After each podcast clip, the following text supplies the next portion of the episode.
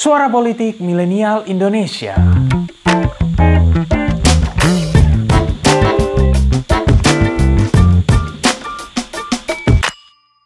Kamu yang mengusulkan perihal bahasa asing agar diajarkan di Tebu Ireng. Man arofa lugota kaumin amina min syarrihim. Siapa yang paham bahasa asing akan terhindar dari tipu muslihat mereka.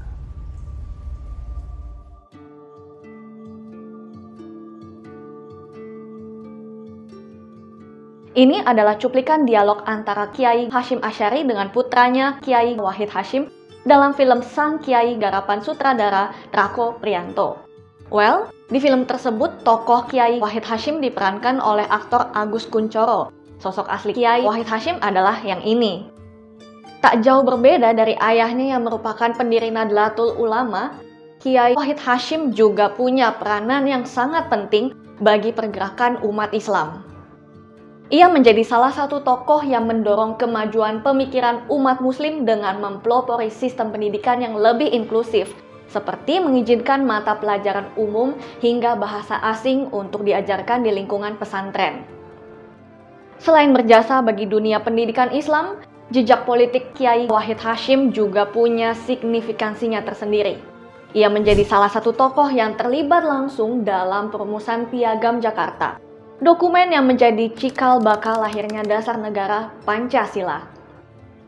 Lalu, seperti apa sebenarnya sejarah Menteri Agama pertama RI sekaligus ayahanda dari Abdurrahman Wahid, Presiden keempat Republik Indonesia ini?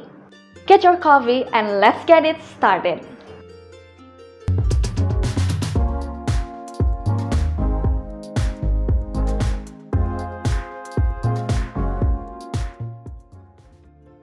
Abdul Wahid Hashim lahir pada 1 Juni 1914 di Tebu Irang, Jombang, Jawa Timur. Ia merupakan putra dari Kiai Hashim Asyari, salah satu ulama paling berpengaruh dalam sejarah Republik Indonesia dengan istrinya Nyai Nafikah. Ia adalah anak kelima sekaligus anak laki-laki pertama dari 10 bersaudara. Wahid Hashim menempuh pendidikan dasar di pondok pesantren Tebu Irang milik ayahnya hingga usianya menginjak 12 tahun. Sejak muda, ia merupakan sosok yang gemar membaca. Ia giat mempelajari ilmu-ilmu kesusastraan dan budaya Arab secara otodidak. Berkat kegemarannya tersebut, ia disebut-sebut telah menguasai dua bahasa asing saat usianya baru menginjak 15 tahun. Ketertarikannya pada dunia sastra disebut-sebut tumbuh berkat dorongan sang ibunda yang menginginkan putranya itu tumbuh menjadi orang yang pintar secara ilmu umum dan ilmu agama.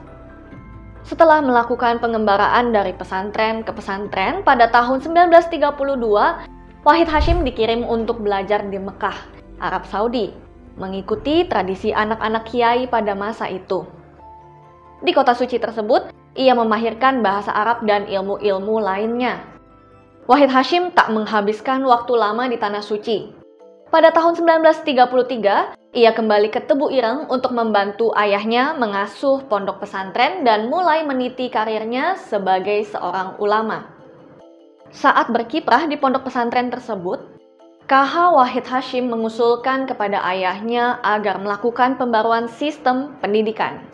Menurut catatan Tempo dalam Wahid Hashim untuk Republik dari Tebu Ireng, pembaruan yang diusulkannya adalah memasukkan ilmu pengetahuan umum termasuk bahasa asing ke dalam kurikulum pesantren.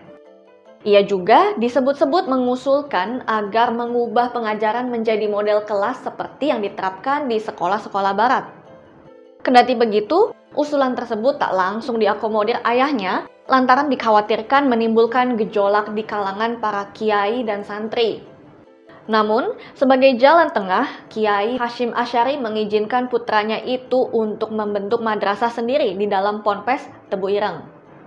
Pada tahun 1934, Kiai Wahid Hashim mendirikan Madrasah An-Nizam yang memasukkan materi pengajaran bahasa Jerman dan bahasa Inggris ke dalam kurikulumnya. Sejak saat itu, Tebu Ireng kemudian dikenal sebagai ponpes pertama yang mengajarkan mata pelajaran umum bagi para santri-santrinya. Setelah berhasil mereformasi sistem pendidikan pesantren, Kiai Wahid Hashim mulai terlibat dalam upaya pergerakan nasional. Kiprahnya ini diawali ketika ia didelegasikan oleh ayahnya untuk memimpin Shu Mubu atau Kantor Jawatan Agama Bentukan Pemerintah Pendudukan Jepang. Awalnya tujuan Jepang mendirikan kantor tersebut adalah untuk mengendalikan umat Islam demi kepentingannya. Namun, Koirul Anam dalam pertumbuhan dan perkembangan NU menyebut Kiai Wahid Hashim berhasil memanfaatkan organisasi itu untuk memperkuat konsolidasi urusan-urusan agama di daerah bagi keperluan perjuangan bangsa Indonesia secara umum. Menjelang proklamasi kemerdekaan, kiprah Kiai Wahid Hashim dalam pergerakan nasional makin terlihat nyata. Ia aktif terlibat menjadi anggota Badan Penyelidik Usaha Persiapan Kemerdekaan Indonesia atau BPUPKI dan Panitia Persiapan Kemerdekaan Indonesia atau PPKI. Saat berkiprah di BPUPKI, Kiai Wahid Hashim bahkan dipilih oleh Soekarno menjadi salah satu anggota Panitia 9. Tim inilah yang bertugas untuk merumuskan bentuk dan dasar negara bagi republik yang baru akan diproklamirkan itu. Meski disebut-sebut menjadi anggota termuda di Panitia 9, namun kebesaran pemikiran Kiai Wahid Hashim saat itu telah diakui bahkan dikagumi oleh tokoh-tokoh yang lebih senior. Dalam sebuah catatan, Bung Hatta disebut sempat bersaksi bahwa bunyi sila pertama Pancasila dalam Piagam Jakarta yakni ketuhanan yang Maha Esa dengan kewajiban menjalankan syariat Islam bagi pemeluk-pemeluknya merupakan gagasan Kiai Wahid Hashim. Gagasannya ini kemudian didukung oleh 15 anggota BPUPKI lainnya. Namun begitu, Perdebatan kemudian muncul ketika sila pertama tersebut mendapat protes dari perwakilan rakyat Indonesia bagian timur. Mereka mengancam memisahkan diri dari Indonesia jika poin ketuhanan tidak diubah esensinya.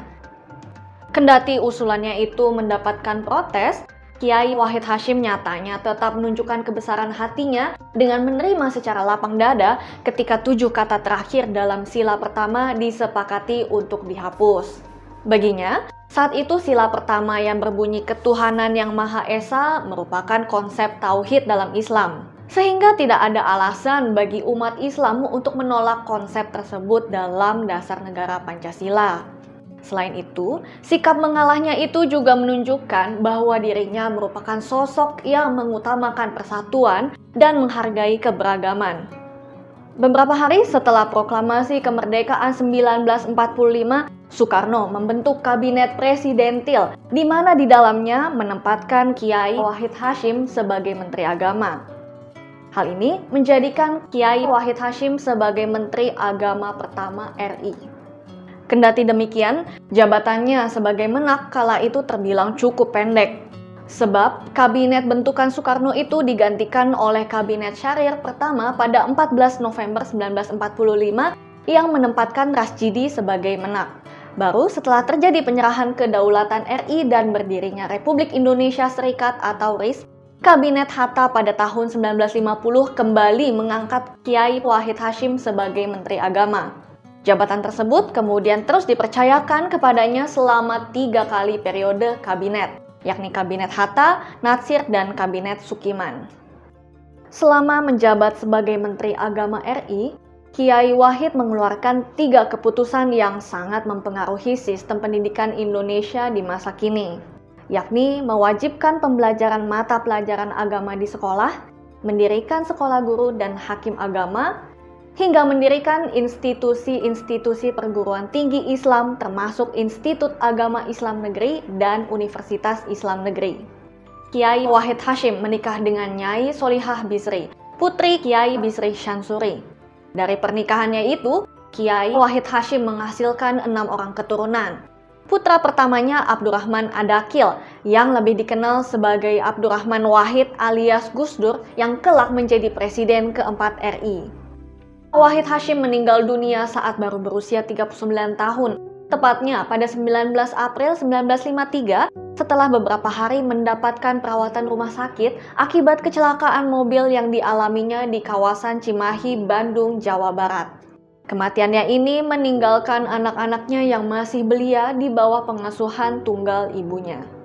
Meski ditinggal ketika baru lulus sekolah dasar, Gus Dur tetap mewarisi sejumlah pemikiran-pemikiran ayahnya. Salah satunya adalah sikap mengutamakan persatuan dan menghargai keberagaman. Selain itu, pemikiran Kiai Wahid Hashim terhadap pentingnya mempelajari bahasa asing juga bisa dibilang telah melampaui zaman. Sebuah penelitian yang dilakukan oleh para ahli neuroscience di Eropa yang dipaparkan pada seminar di University College London pada tahun 2004 menemukan fakta bahwa proses pembelajaran bahasa asing dapat mengubah anatomi otak, khususnya di bagian yang bertugas mengolah informasi dan dikenal dengan nama gray area atau sel kelabu. Alhasil, orang yang menguasai lebih dari satu bahasa disebut-sebut memiliki lebih banyak sel-sel kelabu. Hal ini menyebabkan perkembangan otak mereka akan semakin optimal dalam memproses informasi. Pada akhirnya, tak dapat disangkal, Kiai Wahid Hashim memang merupakan salah satu tokoh yang berperan penting bagi kemajuan pemikiran umat Islam. Selain itu, keterlibatannya sebagai konseptor dasar negara serta kepemimpinannya di sejumlah organisasi-organisasi besar seperti MIAI dan Masyumi juga menandakan betapa signifikan pengaruh politiknya. Berkat jasa-jasanya yang sangat besar tersebut, Kiai Wahid Hashim ditetapkan sebagai pahlawan nasional pada 24 Agustus 1964. Lalu bagaimana menurutmu? Seperti apa sejarah Kiai Wahid Hashim ini harus dimaknai? Berikan pendapatmu. Terima kasih telah mendengarkan episode kali ini. Nantikan episode-episode selanjutnya dan jangan lupa untuk kunjungi pinterpolitik.com untuk dapatkan informasi seputar fenomena politik di Indonesia. See you next time and bye-bye.